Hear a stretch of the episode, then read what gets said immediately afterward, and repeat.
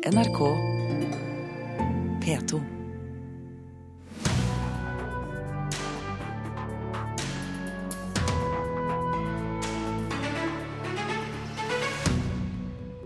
Festspillene i Bergen og Festspillene i Nord-Norge ryker ut av statsbudsjettet. Stortinget vil overkjøre regjeringen i saken om knutepunktfestivaler. Carpe Diem rapper om viktige temaer pakket inn i pop-digg, sier vår anmelder. Og Fredagspanelet samles her i Kulturnytt i Nyhetsmorgen i NRK. Å, du store min tid. Nå kjem den som jeg elsker, nå kjem tango for to. Han sa jeg syns du har de deiligste øyne noen pike har hatt i en havn. Voi, voi, høyt opp i fjellet hører du denne hilsen fra meg. Er du glad i meg ennå, Karl Johan? Banker hjertet ditt ennå for meg? En liten pike i lave sko. En liten kvinne av kjøtt og blod. Med friske farver av det slag som sitter fast de stammer, nemlig I dag begynte vi slik i Kulturnytt, for i går kveld døde Nora Brogstedt. En sanger bak både pop og jazz, og hun ble 92 år gammel. Kjente artister hyller henne som et forbilde. Nå duver små blommer med raulette kinn. kommer til å bli dypt savnet, det er helt sikkert. Hun har liksom vært der hele livet mitt. Så det er ikke så mange igjen av de lenger. Slipsteinsvelsen går.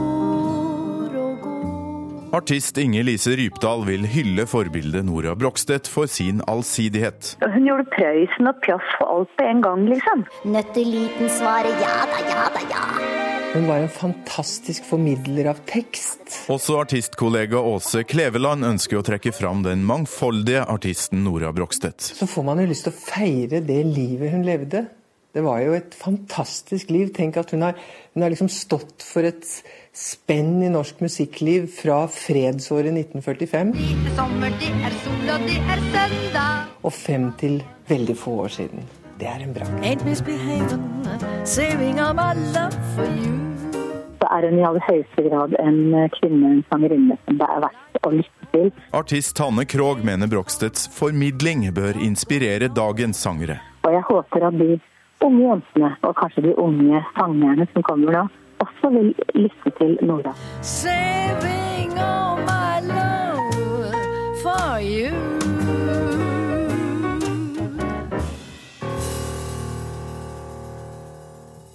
Reporter eh, Torkel Thorsvik som hadde satt sammen denne lille medleyen. Erling Wiklund, jazzjournalist og kritiker i mange år her i NRK. Når opptrådte Nora Brogstedt sist? Ja, hun holdt det gående til de grader. Som jazzvokalist så startet hun sin karriere 80 år gammel. Eh, Det hadde seg slik at hun var jo mest kjent som entertainer, og ikke minst som Prøysen-tolker. Løftet Prøysens viser til nivåer som Prøysen aldri nådde sjøl. Men eh, jeg opplevde henne på jazzfestival i Arendal. Hun spilte med et eh, lokalt band der, og så plutselig slår det meg hun er jo en gigantisk jazzvokalist, men hun har ingen jazzplate på markedet. Der og da så inviterer jeg Nora i studio og sier vi må lage plate, du plukker båndet. Hva gjør Nora? Hun plukker et fantastisk orkester på tvers av generasjonene i den tids norske jazz. Altså eh, pastoren selvfølgelig, Einar Iversen på piano, eh, Frode Nymo, det fantastiske altsaksfenomenet fra Nord-Norge på saksofona, og så videre. Eh, hun, hun lager et superband hvor hun virkelig utfordrer seg sjøl, og når hun teller opp tempoet på låtene, så gjør hun det som den mest dynamiske, energiske, krevende vokalist jeg har opplevd noensinne. Plata blir altså en suksess. og Nora, 80 år gammel, starter sin jazzkarriere, følger opp med to CD-er til, reiser land og strand rundt og holder konserter i bøtter og spann, og holder det gående til 92 års alder. Det er jo så rart å tenke på at, at Nora Brokseth ikke, ikke er der lenger. Men hva har hun betydd? Hun har betydd enormt. Hun har betydd veldig mye for det norske språk. Hun er en av de få jazzvokalister, og vokalister generelt, som går dypt inn i det norske språk og gjør det til sitt eget. F.eks. det hun gjør med Prøysen-dialekten. Men også eh, der på en måte er det Norges svar på Sverige. Svenskene har alltid hatt et, positivt forhold til sitt eget språk når det gjelder det å synge jazz. Nora var den som tok fatt i det der. Og eh, jeg syns hun betyr også veldig mye når det kommer til det med å utfordre seg selv altså når, hun velger, når hun velger tempo, f.eks., så er det ingen spøk. Det er ingen spøk å spille med Nora. Det kan du se på Facebook nå. Det er flere jazzmusikere som er ute og forteller om sine erindringer om samspill med Nora. Det er heftige saker. Hva vil du si, Erling Wiklund, er, er, eh, kvaliteten vi skal lytte etter, enten vi hører på Voi Voi, Prøysen eh, eller jazz? Det er fraseringen, det er vårt, altså hennes lek med rytme, hvor hun plasserer seg i biten. Foran-biten, etter-biten, dønn på-biten, tempo, men også uttrykket totalt ujålete, kjempesensuell og morsom. Takk skal du ha, Erling Wiklund, om Nora Brogstedt, som døde i går kveld, 92 år gammel.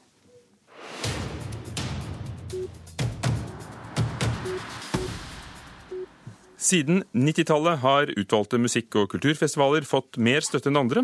I år gir staten 100 millioner kroner til 16 festivaler, og det er dette som er det som heter knutepunktordningen. Nå vil eh, regjeringen eh, få støtte eh, flertallet i Stortinget til å kutte navlestrengen og la alle festivaler søke om de samme pengene hos Kulturrådet. Regjeringen ville opprinnelig beholde Festspillene i Bergen og Nord-Norge på statsbudsjettet, men flertallet i Stortinget ser ut til å tvinge regjeringen til også fjerne alle fra statsbudsjettet. Kristelig Folkeparti sier nå at de støtter nemlig regjeringens forslag på visse betingelser. Her er Geir Jørgen Bekkevold i kulturkomiteen. Og Da handler det om at den økonomiske eh, biten den må ivaretas. Spleiselaget må ivaretas. Det må kunne gis flerårige avtaler for å ha forutsigbarhet. Og så må vi være prinsipielle. Skal eh, vi overføre dette Kulturrådet, så er det all in. Da skal alle inn. Knutepunktordninga ble innført på 90-tallet og gir 16 norske kulturinstitusjoner fast støtte over statsbudsjettet. Blant de 16 finner vi urfolksfestivalen Riddo Riddo i Kåfjord, Olavsfestdagene i Trondheim og Moldejazz. Men ordninga er omdiskutert. Kritikerne mener den er konkurransevridende og gir store økonomiske skjevheter. Nå ønsker kulturminister Toril Vidvei å fjerne den, og overføre pengepotten til Kulturrådet. Kun Festspillene i Nord-Norge og Festspillene i Bergen skal få beholde plassen på statsbudsjettet. Nå sier Kristelig Folkeparti ja til regjeringas forslag, men ikke betingelsesløst.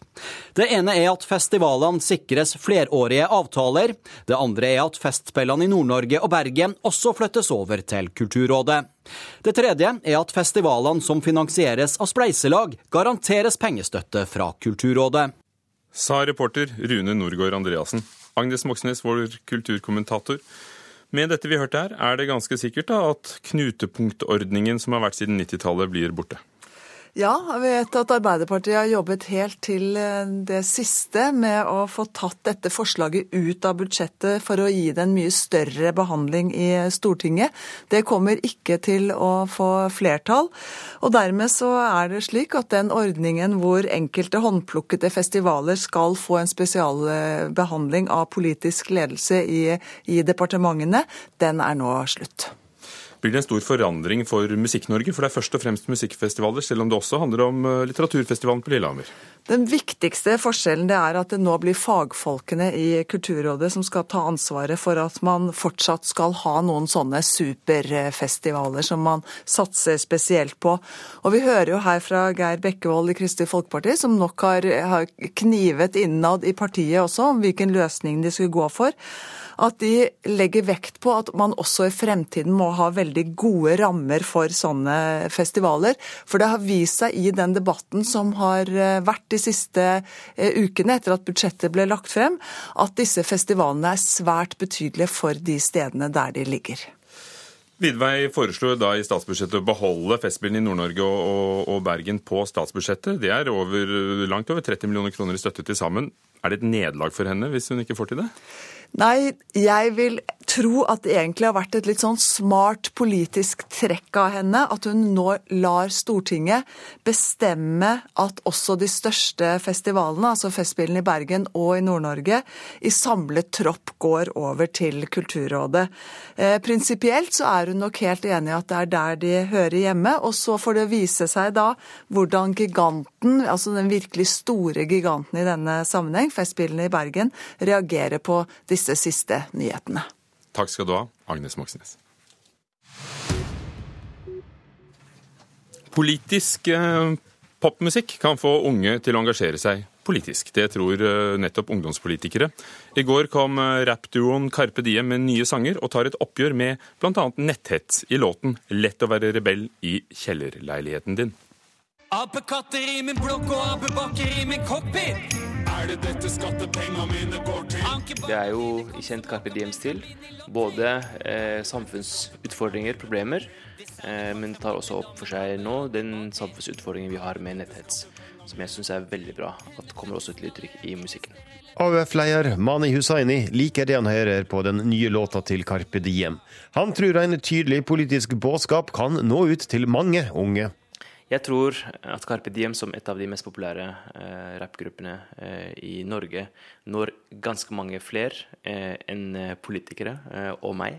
Unge Høyre-leder Kristian Tonning Riise tror politiske poptekster, og kanskje særlig hiphop-tekster, kan nå flere unge enn mer tradisjonelle debattformer. Det er en kulturell uttrykksform da, måte, som eh, skal gi ekstra rom for et litt sånt rått, usminket litt sånn opprørsk eh, image, og kanskje en, en, språkbruk og en billedbruk som han jo ikke ville måte, skrevet i en kronikk. Yo! Snakker vi om selvironi, har jeg mer enn masse. Carpe Diem har vært politiske siden de starta for over ti år siden. Anten det nå handler om å vokse opp med minoritetsbakgrunn, eller hvordan en kan møte politiske meningsmotstandere. La meg tenne på en FPU-kar, FpU-leder Bjørn Kristian Svensrud mener en skal ha takhøgde for slike spissformuleringer, men håper Carpe Diem har et bevisst forhold til hvor grensa går. De er jo forbilder for veldig mange unge mennesker, eh, og da er det viktig at man på en måte tenker litt over hvor grensen går til, til mobbing og den type ting. Men det er på en måte noe som band som, eh, eller artister som Carpe Diem selv må ta en refleksjon rundt. da. Og uansett partifarge håper han at slike tekster kan få flere med i debatten. Ja, jeg tror det kan skape både enighet og uenighet og engasjement eh, mellom eh, mennesker. Og, det, og spesielt av unge mennesker, for der er jo en gruppe som når ut til veldig mange unge. Eh, og det i seg selv tenker jeg jo er, er positivt. Kan du tine, lille lord, for å vinne bil og båt? Nei! Og Carpe Diem selv vil ikke gi intervju til oss i går. Reportere var Runa Rød og Espen Alnes. Ali Sofi, musikkanmelder her i NRK P3. Du kaller Carpe Diem for to av landets viktigste artister. Hva i dine ører gjør dem viktige? Språklig begavelse, rå popteft og det at jeg har klart å knekke en crossover-kode mellom pop og rap. Um, hva viser de med disse tre låtene? For det er bare tre låter de har gitt ut. Det har gått tre år siden de ga ut et album, og når de først kommer med det, så kommer de med en liten uh, dynamittpakke på tre låter. De tar jo opp tråden fra sist. Det er bevisstgjøring av uh, sosiale forskjeller, kulturelle forskjeller og ting man alltid burde bli minnet på om å bli et bedre menneske. Men de har også flere ganger gått i strupen på Fremskrittspartiets eh, medlemmer, og bokstavelig talt. Denne gangen er det justisminister Arne, uh, Anders Anundsen som blir kalt for feig. Tidligere har de gått løs på Carl I. Hagen og og andre. Blir de forutsigbare? Det blir aldri forutsigbart å minne oss selv om at vi skal være bedre mennesker. Så det at de går ut etter Fremskrittspartiet er en naturlig konsekvens, rett og slett. Det er de som sitter ved makta, og det er der Carpe Diem går etter. Artisten Emilie Nicolas er med. Hva tilfører det? Hvordan utvikler de seg musikalsk? Det at Nicolai er med, er jo en liten piff. Det er alltid gøy at hun er litt med. Uh, altså, uh, Rent musikalsk De har kanskje grått litt fra seg siden sist med Ti kniver i hjertet-albumet. De, går, de, de går litt hardere til verks. De er mer direkte denne gangen enn sist. Uh, rent musikalsk er det ganske likt Carpe Diem som før. De bruker sine svenske produsenter, men det er uansett storslått popdigg, som jeg skriver i anmeldelsen. Pop-digg, ja. De har jo tidligere da ligget på bestselgerlistene med albumene 'Aldri solgt en løgn' og 'Kors på halsen til kniver i hjertet' osv. Eh, dette skal vi kalle det prosjektet heter Heisan Montebello. På hjemmesiden deres så er det en sånn nedtelling. Eh, Men når det bare kommer tre låter, hva kan vi vente oss hvis det ikke er et album? Jeg tipper det kommer mer låter framover. Altså, de, sper det utover, men jeg det at man liksom porsjonerer ut låter, gjør at de låtene som blir lagt ut, blir lagt merke til. Så Sånn sett så er det bare en naturlig ja, rekkefølge av uh, hvordan man utvikler seg som artist, og i bransje, ikke minst. Eh, Balansekunst, sier du.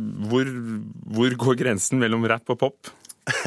Ja, men Carpe Diem er kanskje de flinkeste som jeg har hørt, da, som får til uten at det blir kleint. Altså, de, de klarer å beholde de røttene, hiphop-røttene, eh, samtidig som de klarer å nå ut til mammaen min. Ikke sant? Så, sånn sett så er det jo alltid en glede å høre på Carpe Diem. Altså, det, det, er noe, det er noe til hiphop-fantasene, og så er det noe som eh, passer bra til resten av landet. Og til Ali Sofis mor. Takk skal du ha, musikkanmelder i P3. Klokken er blitt 18 over 8. Du hører på Nyhetsmorgen i NRK. Overskriften i dag. Jo Lunder permitteres fra alle sine roller i Fredriksen-gruppen inntil videre fordi han er under etterforskning i VimpelCom-saken. Spanske sjøfolk krever erstatning fra den norske stat for tapte pensjoner. Bedrifter som tar inn flyktninger og integrerer dem, bør få gullkort av Nav, mener virkesjefen. Og raketter fra USA kan slå tilbake Assads russiske fremstøt sentralt og nordvest i Syria. Det mener toppoffiserer i den frie syriske hæren. Og med det er Fredagspanelet samlet her i NRK. God morgen, Solveig Grødem Sandelsson, kultur- og debattredaktør i Stavanger Aftenblad. God morgen, god morgen. Christian Fredrik CF Wesenberg, fotograf. Morgen. Og Hanne Tømta, teatersjef på Nationaltheatret. God morgen. Hvis dere alle sørger for å stå rett foran mikrofonene, så er det et så. godt triks vi har her i radioen. Første spørsmål. Hver gang vi leser en artikkel på en norsk nettaviser, får rundt 40 selskaper rede på hva vi leser. Datatilsynet har funnet ut dette, og Kulturnytt meldte det i at det var en ny rapport om dette i uken. Nå ønsker Datatilsynet å kontrollere mediehusene. Er det skremmende, alt det de vet om oss, de avisene, Solveig Grødem Sandelsson? Nei, ikke skremmende. CF Wesenberg. Nei. Hanne Tømta. Nei, ikke skremmende. Og likevel er det mange som tenker på storebror eh, eh, ser deg. eh, Hanne Tømta, det viser seg i undersøkelser at vi vet lite om hva, hva vi gir fra oss når vi trykker ja til informasjonskapsler, cookies. Ja, men på, liksom, Hvis du snur litt på det, så er det jo også deilig å få strømlinjeformet reklame når du først skal få den. Så slipper jeg som er jente å få masse Viagra-tilbud og altså, Ja, det bør jeg ha, liksom. Ikke- Ja, det tenker jeg. Nei, så av alt som er skremmende her i verden, så, så opplever ikke jeg det at eh, at noen selskaper kynisk bruker eh, mine klikk og ser at jeg er mye inne på lommelegen.no og sånne ting. Det, det, det tåler jeg fint å leve med. Jeg, det bekymrer ikke meg. Jeg blir mer bekymret over alle dumme mail jeg får, eller annen bombardering av unyttige Mm. ting. Solveig. Ja, jeg er jo er veldig enig med Hanne Temta, men nå sitter jo jeg midt oppi dette, da. Eh, eh, Aftenbladet har jo informasjonskapsler på sine sider. Eh, Men det er jo ei side av eh, digitaliseringa. Altså hvis du skal få eh, respons fra de dingsene som du, som du bruker, så forutsetter det at eh, det blir innhenta informasjon. Eh, Men det er jo veldig bra at eh, Datatilsynet fatter interesse for dette og er på banen. Eh, For det bør jo være bør jo være gjennomsiktig. Eh, Jeg trodde dette var nokså gammelt nytt, men, men hvis ikke brukere kjenner til det eller syns det er skremmende, så, så må det bli mer gjennomsiktig. Det som kommer frem, og, og vel er det nye for mange, er at mange av disse selskapene holder til i utlandet. Knapt mulig å få rede på, på hvem de er og hva de gjør. Er ikke eh, noe av skepsisen eventuelt eh, det at hva kan skje i fremtiden? Hvem kan, hvem kan bruke det deretter? Mm. Etter at dere har finansiert Nettavisen? Det, det tror jeg det er. Og det med å, å kunne stoppe en, en tredjepart er det er jo ikke så lett. eller Som, som NRK sjøl viste til, altså hvis du har lenka til en YouTube-video, så er jo Google der. Så dette er ikke så, så enkelt. Men, men jeg skjønner òg at det er større skepsis til at tredjepart er inne, enn at eh, vi som driver disse sidene, er det. CF. Vi trenger cookies for at eh, internett skal utvikle seg, akkurat som ble sagt i stad. Det er slik internett på en måte har utviklet seg, og det speiler jo egentlig vårt behov for å utvikle ting. Og da lager, finner vi opp ting som cookies, i dette tilfellet informasjonskapsler som gir oss den informasjonen, eller utvikleren den informasjonen de trenger for å gjøre siten, sidene, bedre. Og det er ikke noe farlig. Hvis du syns det er farlig, så er det bare å skru av internett. Med uh, denne gjengen fremtidsoptimister så går vi også videre inn i Fredagspanelets fremtid. Sosiolog og artist Kjetil Rollnes kritiserte mediedekningen av flyktningsituasjonen i Europa. Innbudt av selveste Redaktørforeningen. Media er for snille, sier Rolnes. Journalistene verken kan, tør eller vil dekke feltet kritisk nok, sa han til Fagbladet Journalisten. Har dere tillit til norske mediers dekning av flyktningsituasjonen? Solveig? Ja. Hanne? Jeg går for ja, jeg òg, jeg. Litt sånn tja, for jeg syns spørsmålet er litt ledende. Akkurat, for du tenker at uh, hva, hva, tror nei, du at altså, vi ville at du skulle si? Nei, fordi alle vil jo at uh, her er vi midt i medias høyborg, og det skal vi jo si ja. Vi er programforpliktet til å kanskje si ja. Men vi får ikke noe honorar for å være her, da. Jeg fikk et glass vann.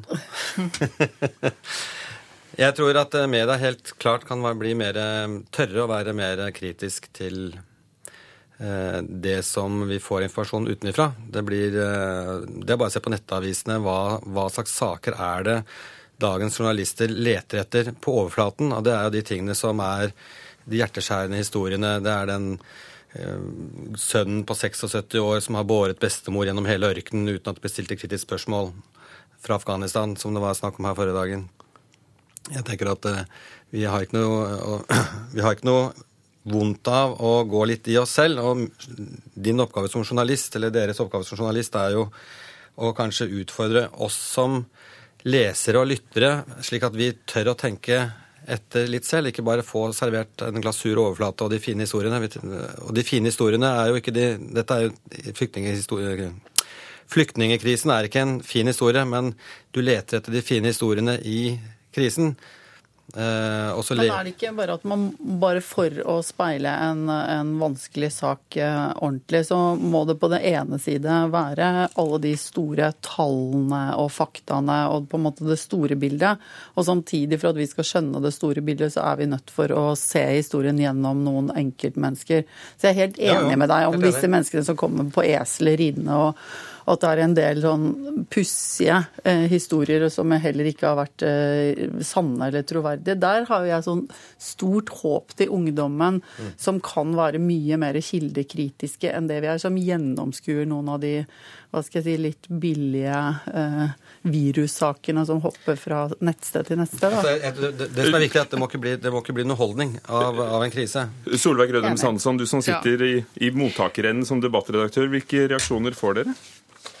Eh, det Vi har vel ikke Jeg har egentlig mer lyst til å gå, gå tilbake igjen til litt hva jeg sa, sa, ja her. For altså, jeg syns vel at eh, Rollenes var litt flåsete og la noen premisser der som jeg ikke er enig i. Men jeg syns at vi alltid skal lytte når vi blir kritisert for uh, å springe i flokk, for det er dessverre nesten alltid sant. Det er det kjedeligste med norske medier. Uh, men uh, å bli mer kritiske til hva en viderefører av andre sine saker, det kan en helt klart være. Men for det første her så snakker vi jo om og med mennesker i krise, og da stiller faktisk Vær varsom-plakaten eh, krav til å være nettopp varsom i møte med det. Så når eh, vi sjøl går ut og treffer flyktninger, eh, så er det ikke de du skal dra ned med kritiske spørsmål der og da. Men å få inn analysen og få inn sammenhengen etterpå, det er flott. Og så er jeg ikke helt med på det at, altså at det er et godhetstyranni å vise flyktningstrømmen. Det er faktisk å vise hva som skjer i verden. Og jeg syns ikke vi skal gjøre noe knefall for at å telle og regne på flytninger er å være mer realistiske. For i det så ligger det òg en slags forestilling om at dette bare er noe vi kan velge vekk. Det syns jeg er totalt urealistisk. En annen ting som har blitt snakket om denne uken. Menn elsker ros fra menn, sa komiker Harald Eia i det nye radioprogrammet Ytring sist søndag, og konkluderte. Ros fra damer er rubler. Mennenes anerkjennelse dollar. Det fikk komiker Linn Skåber til å refse Eias kvinnesyn, og viste til hvordan det var i de mørke tider da hun begynte i bransjen. Er det Harald Eias kvinnesyn det er noe i veien med, Hanne Tømta? Nei. CF? Eh, absolutt ikke. Solveig? Ja. Hva er det han har misforstått? Jeg tror ikke han har misforstått noe, men det, er mer, altså det, det blir litt, eh, litt barnslig å bare si at eh, det, som å si til den som alltid blir utestengt at ja, vi vet det er sånn, men du ser at vi liker deg ikke, sånn at vi gidder faktisk ikke å henge med deg eh, og ikke gjøre noe mer enn det. Eh, men at det finnes mange gutteklubber, grei, det er helt klart. Jeg syns bare det var litt sånn flåsete eh, flåsete håndtert av eier, da. Altså, Hvorfor kan vi ikke begynne å snakke om eh, vi snakker om kvinnesyn, kvinnesyn, kvinnesyn? Kan vi ikke begynne å snakke om menns syn på menn? For det er det Harald gjør. Han tør å sette ord på hva vi menn tenker og føler om andre menn. Og det er det veldig få menn som tør å gjøre. Og det Harald egentlig gjør, er Han er på en måte da isfjellet som Titanic kjører inn i, hvor han representerer et berg av menn som er sjenerte og gjemmer seg under vannet, som egentlig ikke tør å stå åpent frem og si hva vi tenker og føler om andre menn. Og det er ikke noe homoerotisk, som noen mente at det kanskje var. Dette handler om å være ærlig som mann, og vi menn er ofte best ærlige menn imellom når vi er uten kvinner til stede. Men det må jo være lov til å si eh, litt av det Rolf Christian Larsen, skuespiller fra Stavanger, har sagt. At når han konstaterer dette, tar opp dette, og så Hvorfor kommer ikke ledd to? Bare, og hva skal vi gjøre med dette? Den bare å konstatere noe og være da, som du sier, herlig ærlig på at det er sånn det er. Det hadde også vært deilig med et lite spark på noe vi kan gjøre noe med, f.eks. Og et forslag. Men det er jo tidenes PR-kampanje for ytring, da, som P2-program og, og, nettsted. Så Søndag klokken 11. Vær så god. Solveig, det har da vært uh, menn som har sagt at de ikke er enige? Eh, ja, det, det, er det sikkert. Men jeg, jeg er bare enig med Tømte at hvem altså tar det litt lenger enn bare Å, så flott at noen er ærlige og sier hvordan det er. Si litt mer da, Harald Eia. Det kan ja, du godt. Og, og her, han sendte meg en mail i går. Faktisk. Jeg har den her. Jeg kan lese opp. Uh, han skriver uh, at uh, førsteutgaven av kronikken var så lang at han måtte stryke noe avsnitt, for det var for langt. Uh, jeg måtte gjerne lese det opp. Hvis jeg i dette rom hvor da Jespersen og Nærum står og kikker bort på meg, men det i tillegg står noen sjefer der Teatersjef på Nationaltheatret Hanna Tømta, redaktør i BT Hilde Sandvik så er jeg vel dum hvis jeg ikke går bort og klapper Jespersen og Nærum på ryggen istedenfor å snakke med de som virkelig kan åpne dører for meg. Fredagspanel. Det var Kulturnytt ved Vidar Sem som produsent. Hør flere podkaster på nrk.no podkast.